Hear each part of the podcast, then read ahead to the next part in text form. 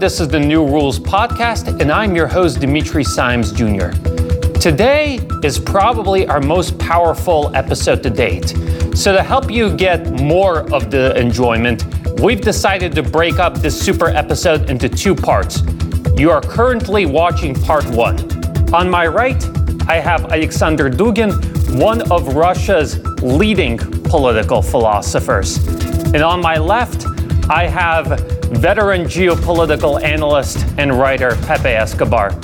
Gentlemen, thank you so much for joining me today. Thank you for inviting us. Thank you, Dimitris. It's a huge pleasure. So, Alexander, I think I'll address my first question to you because we're coming up on two important anniversaries. The first is the two year anniversary since the start Russia's special military operation in Ukraine. And the second anniversary is the 10 years anniversary since the start of the war in the Donbass. How have these events changed Russia? So I think we, we have two different countries. So that, uh, the impact of these events, uh, starting from Crimea and uh, beginning of the rebellion of Donbass against Kiev until now and uh, special military operation, these two events, they are two stages of the same process, I would say. That was the radical change of, of, everything in Russia. So we, we have two different countries the Russia before Maidan, before Donbass, before Crimea, before special military operation, and after. So we could say that 10 years we are living in Russia in different field, existential field, geopolitical field, cultural field, but a more drastic change was precisely after the beginning of the special military oper- operation. These last two years were absolutely decisive. They are turning point in the self-consciousness of Russia. So the huge change is inside, not just the fact that we could stand the sanctions, we could uh, could stand ag- against counter-attack. We we have liberated this huge amount of the territory of ex-Ukraine. Uh, all of all we have now multipolar world and not unipolar anymore. There is the clear end of global hegemony and Western leadership in the in the world, but all these events, uh, all these processes are very important, but more, the most important aspect is the new self understanding of Russia. So that is spiritual change. So we are not anymore the province of the global Western world. We are returning to ourselves, to our mission, and maybe to the, highest highest moment of our national Russian history. So we are approaching to the event. Maybe for this event, Russian people was made uh, by God. So this event is nearer and nearer. We could speculate and speak about that, but it's- a kind of accomplishment of mission of the katechon, of the keeper, because the Russian mission and the Christian Orthodox vision was to keep the Antichrist out of the humanity, to, to keep humanity safe from the son of perdition, the, the son of iniquity. And that is precisely the mission of Russia. And now we understand this mission very well because our fight is not against Ukrainians, against just the West as geopolitical uh, entity, but it is against uh, modern Western antichrist uh, represented by globalist civilization. And I think this enemy we're fighting against is the enemy of all humanity, uh, enemy of Islam people, enemy of China, and enemy of the Western people and society themselves. And I want to pose the same question to you, Pepe. And I'm particularly interested in your perspective since you just returned from the Donbass. You have come back from the origins of this enormous rebellion that has sh- shaken the world. Talk a little bit about what you saw in the Donbass and what stood out the most to you. Wow, that was a, a transformative experience. I was wow, I was shocked, in fact. Uh, it's like you have a, a jolt through your body. Because one thing is to, to do a work of independent analytics, you know, looking at the big picture, looking at East against West, looking at the emergence of the multipolar world. And another thing is to go on the ground in the microcosm and actually see the people and see what they're doing, what they're fighting for. And I was immensely privileged to be very close to the Christian Orthodox battalions in uh, large parts of the front in Donetsk, all the way to Mariupol. And they embraced me. We asked ourselves a lot of questions.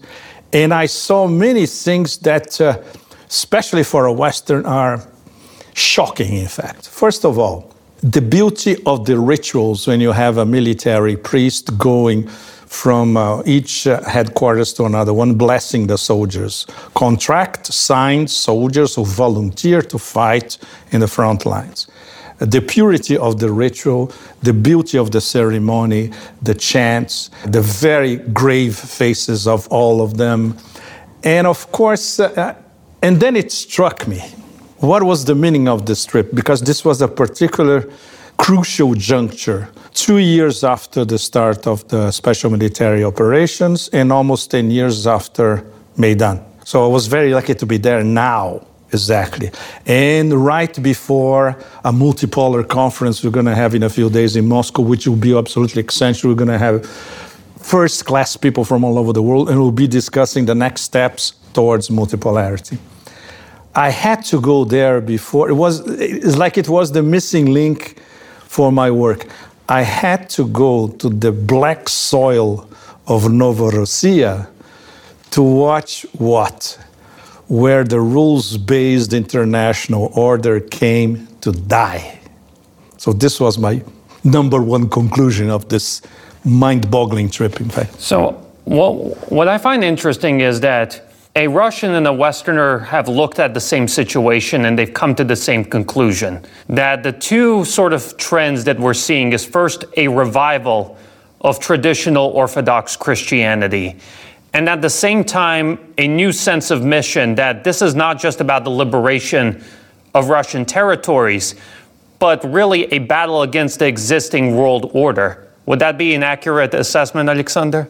Yes, I agree. I totally agree. That is uh, much deeper. That is spiritual fight. That is the fight of, of, maybe, maybe we have here, we have arrived here in special military operation at the point of, of, of the result of the history, because there was a kind of long, long story how the West has arrived to the point of modern West, modern liberal Biden's West, totally cutting all ties with tradition, with antiquity, with classical philosophy, spirituality, with Christianity. So that modern West uh, that has uh, cho- chosen this path of modernization, secularization, humanism, materialism, atheism, has arrived to the last point where human being without God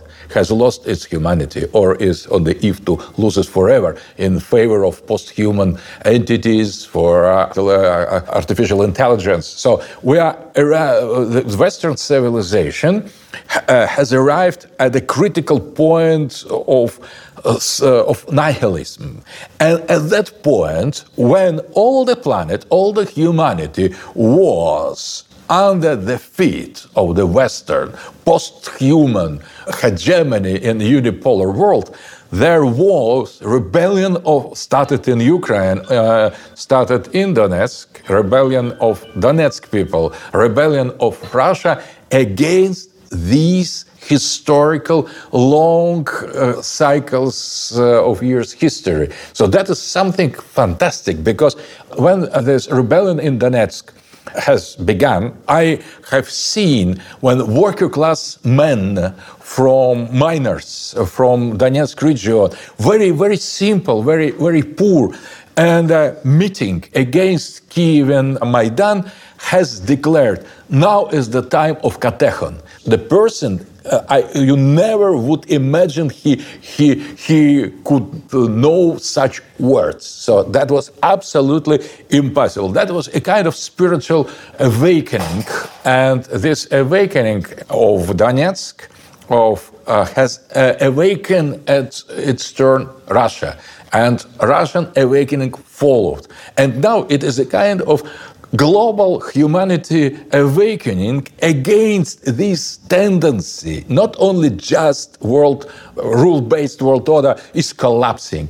Uh, the, i think that the western civilization that dominating, uh, dominated more and more and more over humanity, uh, uh, expanding its so-called values, has arrived at the point where the alternative pole, alternative power, alternative idea, alternative principle was manifested. So uh, Russia has said, stop, stop West, here you should stop. You are not alone on this planet. You could not do whatever you want. So uh, stop. Uh, you are not alone. There is the other. There is a kind of witness of what you, uh, you are doing, and we don't agree at all with everything you've done during these 500 years. So, and this 500 years, the modernity, Western centered modernity was a kind of negative result of the previous uh, history of humanity. That is the end of modernity. That is uh, the end of the Western centered world domination. That is made now in Donbass by the uh, uh, simple Russian people, uh, soldiers, volunteers fighting there. So that is, uh, uh, find, that is the fight between angels and demons. It is not just between Ukrainians and Russians. That is much more transcendental as as event, and I think that the other fronts of the same war, spiritual war, war uh, will appear soon, and we see something uh, is happening in the Middle East, something will happen in, in Taiwan and China, but that is not just the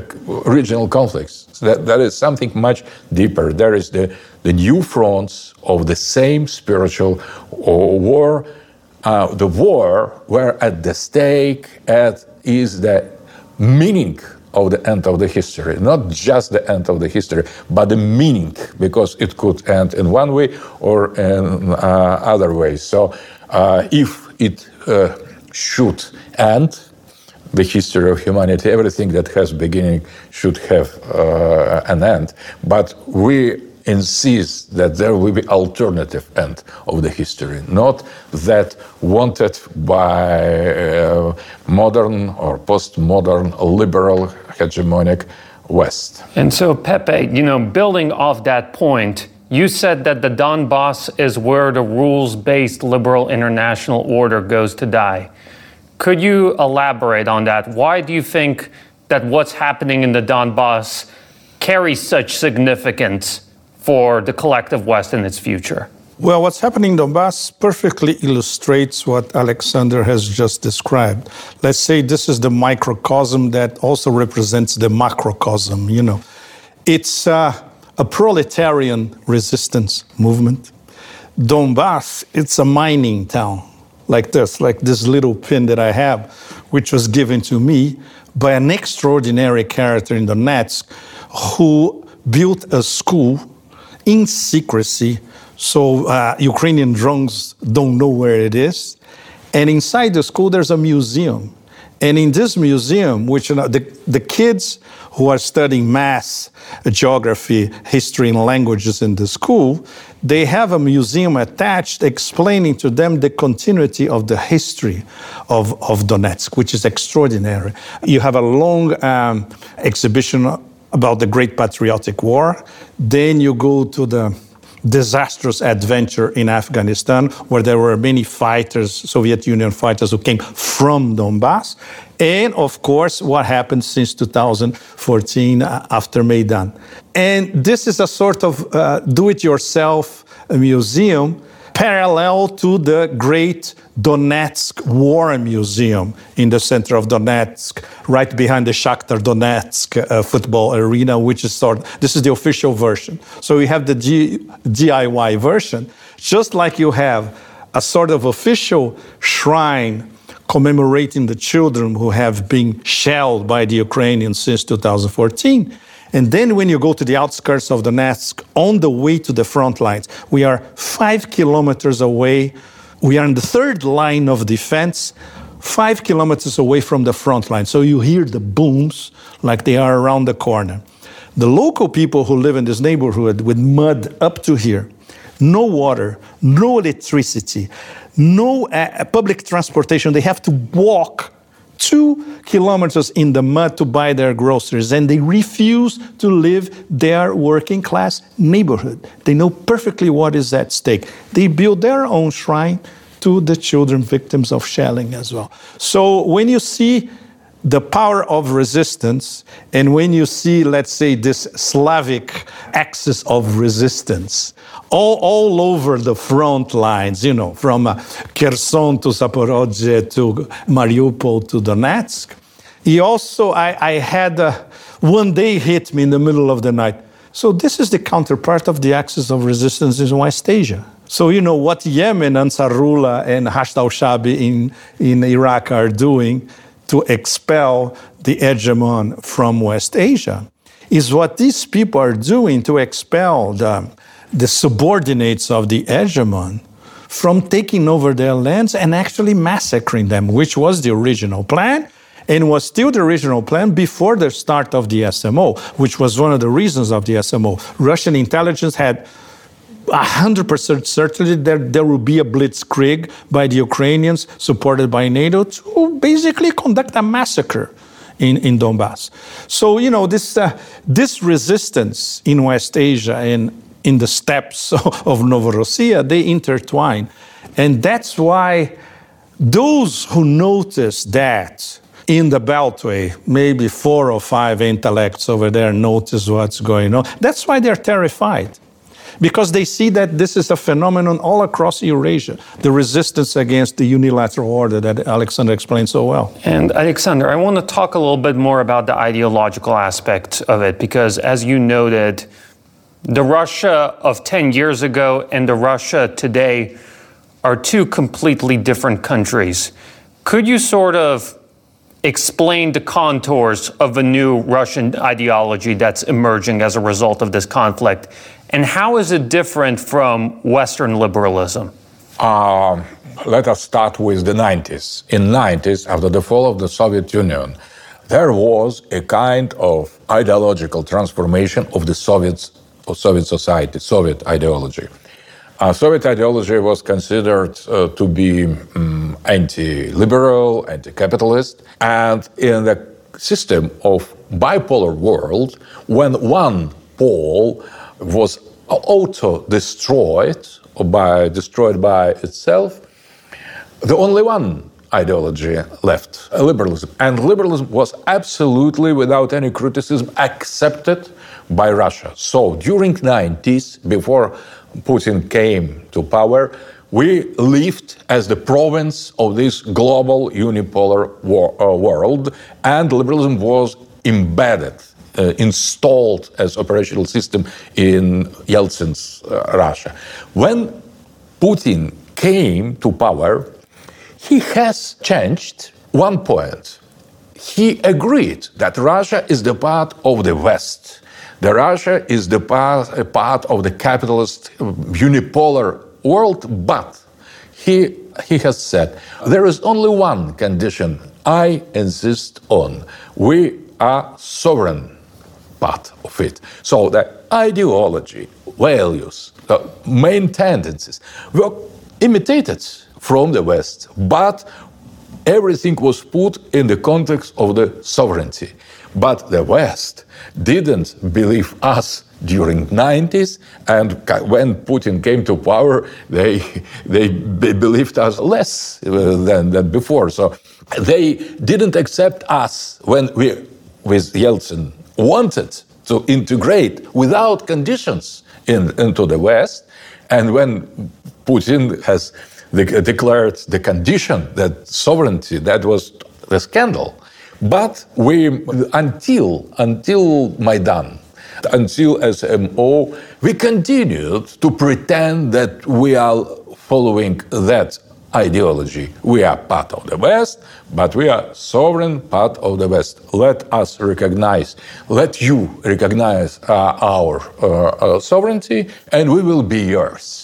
So we will give you gas, we will supply over our, our raw materials and resources. We are at your uh, disposal, but just one thing we are independent, sovereign nation state of the Western Hemisphere. And we accept your rules. And we accept your uh, rules based world order under one condition.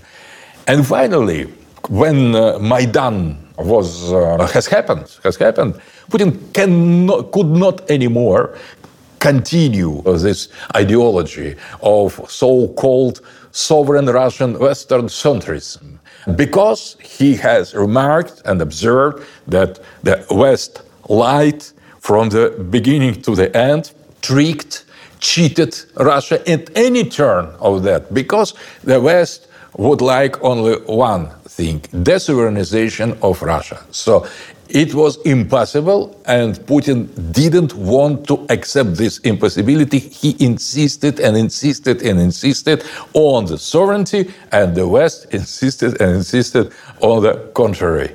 So that was the, the, the moment of the real change, ideological change, uh, has come only with uh, SMO. When special military operations started, that was the end of both ideologies of the 90s and of, of the Putin's first 20, 22 years of the rule. So we are now in a new era, in a new moment, because now our ideology is multipolar.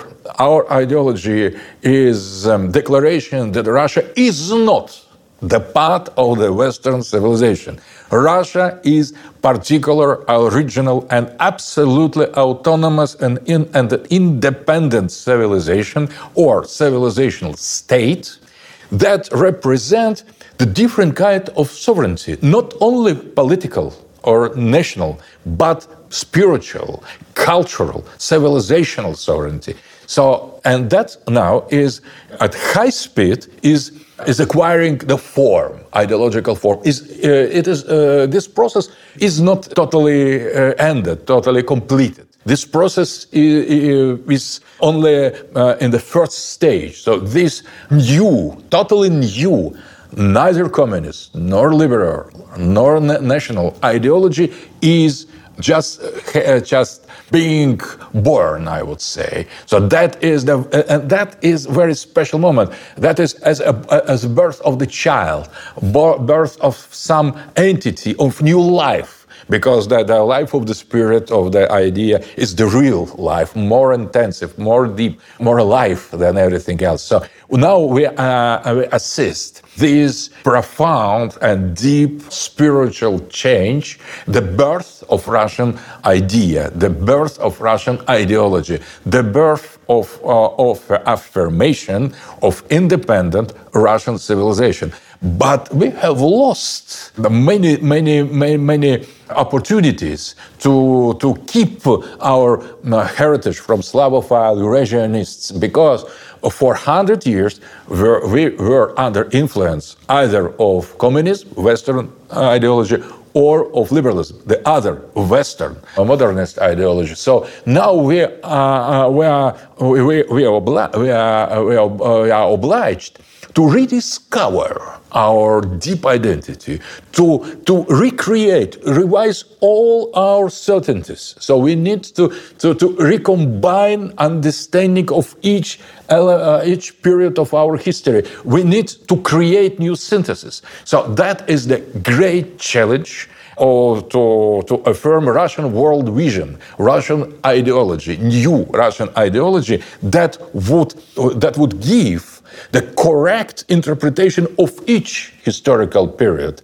Uh, but uh, this ideology is not just about the past, it is about the future, because this ideology will be the matrix, matrix of the new Russia and the new world, new cosmos that we are constructing now. So, in a sense, the new Russian ideology is to be seen because it's in the process of being formed right now due to the geopolitical turmoil, due to the massive changes taking place in the world. Exactly, and that uh, that has to do uh, this the birth of this ideology, the birth of something new, not just restoration of something old. That is, we are speaking about the birth of something new, would affect all humanity because maybe that will be new issue new way out of the situation we are all in. So that, uh, including the west. So the west as well is in a dead end so in impasse. So for the west the decision or creation or the process of creation of this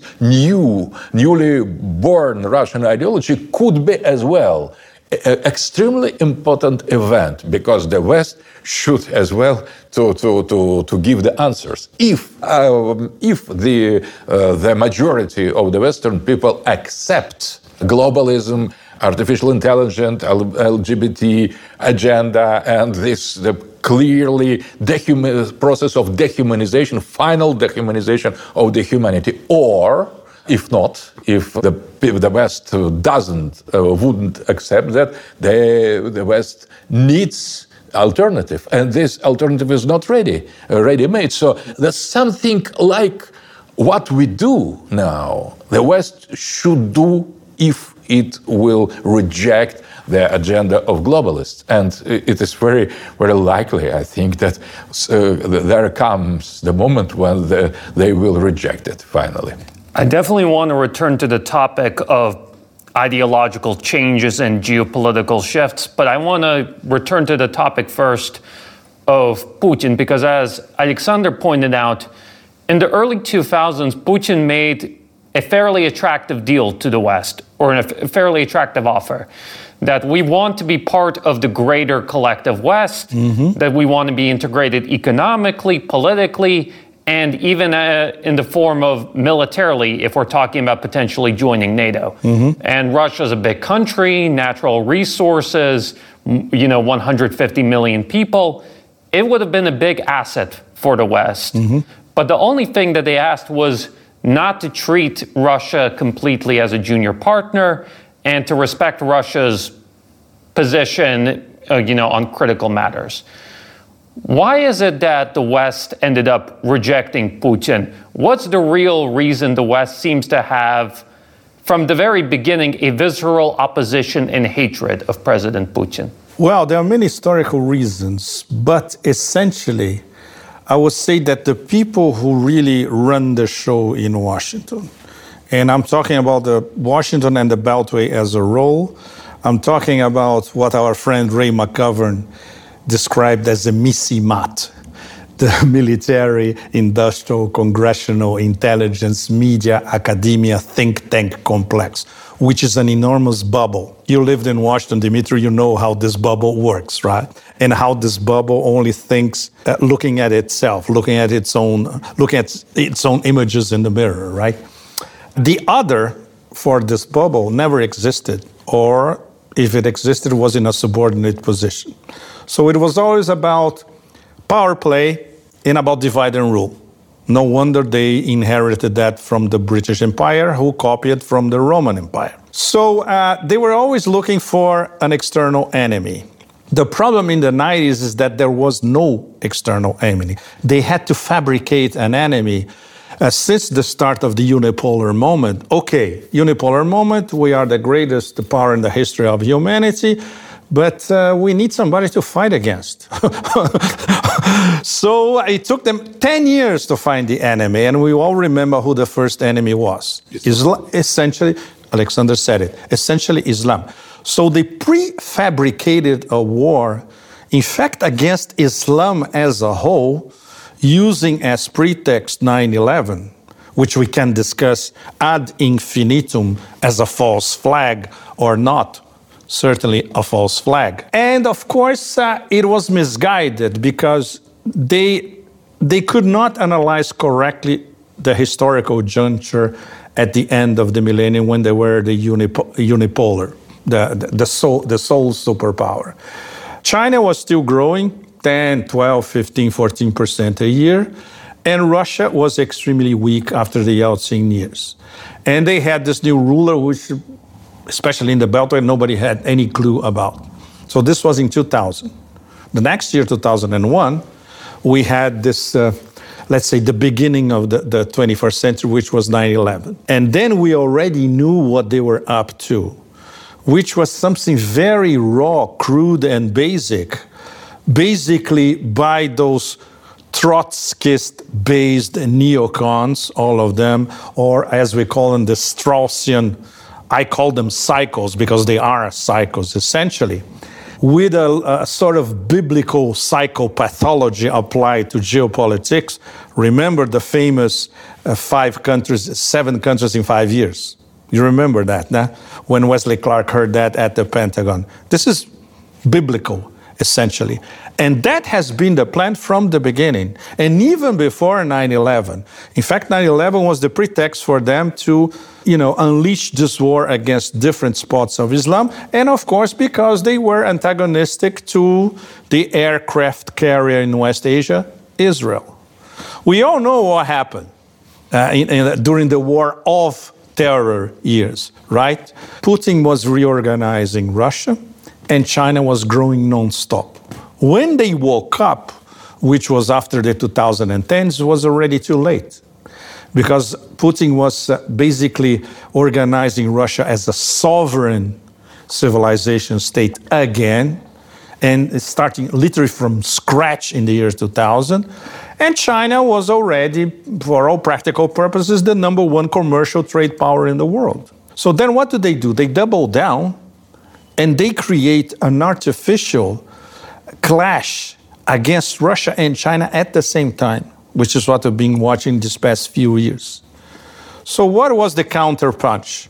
The Russia China strategic partnership, which is now at, at all levels military, geopolitical, geoeconomic, influential, spiritual, etc. And now the, the worst prophecies of their own so called, uh, you know, intellectual superpowers a la Brzezinski is right in front of them. It's not the emergence of a peer competitor in Eurasia. It's the emergence of a strategic alliance of peer competitors in Eurasia, which is the foundation of this new multipolar world. And there's nothing they can do about it except unleash a sort of Samson option, which will be a war, a nuclear war, which will destroy everybody. And, and they don't even have the intellectual capacity of a little bit of self introspection to learn from their mistakes, to learn from their artificial wars against Islam and against Russia, China, and now against the global South practically as a whole, which, which is the mix when the war in Ukraine meets the war in Israel Palestine. We see the hegemon against the global South as a whole practically. It is impossible for them to backtrack and analyze this uh, holistically. It, it's impossible. First of all, because they don't respect the other. They never read Levi Strauss, for that matter. The other is always to be subordinated.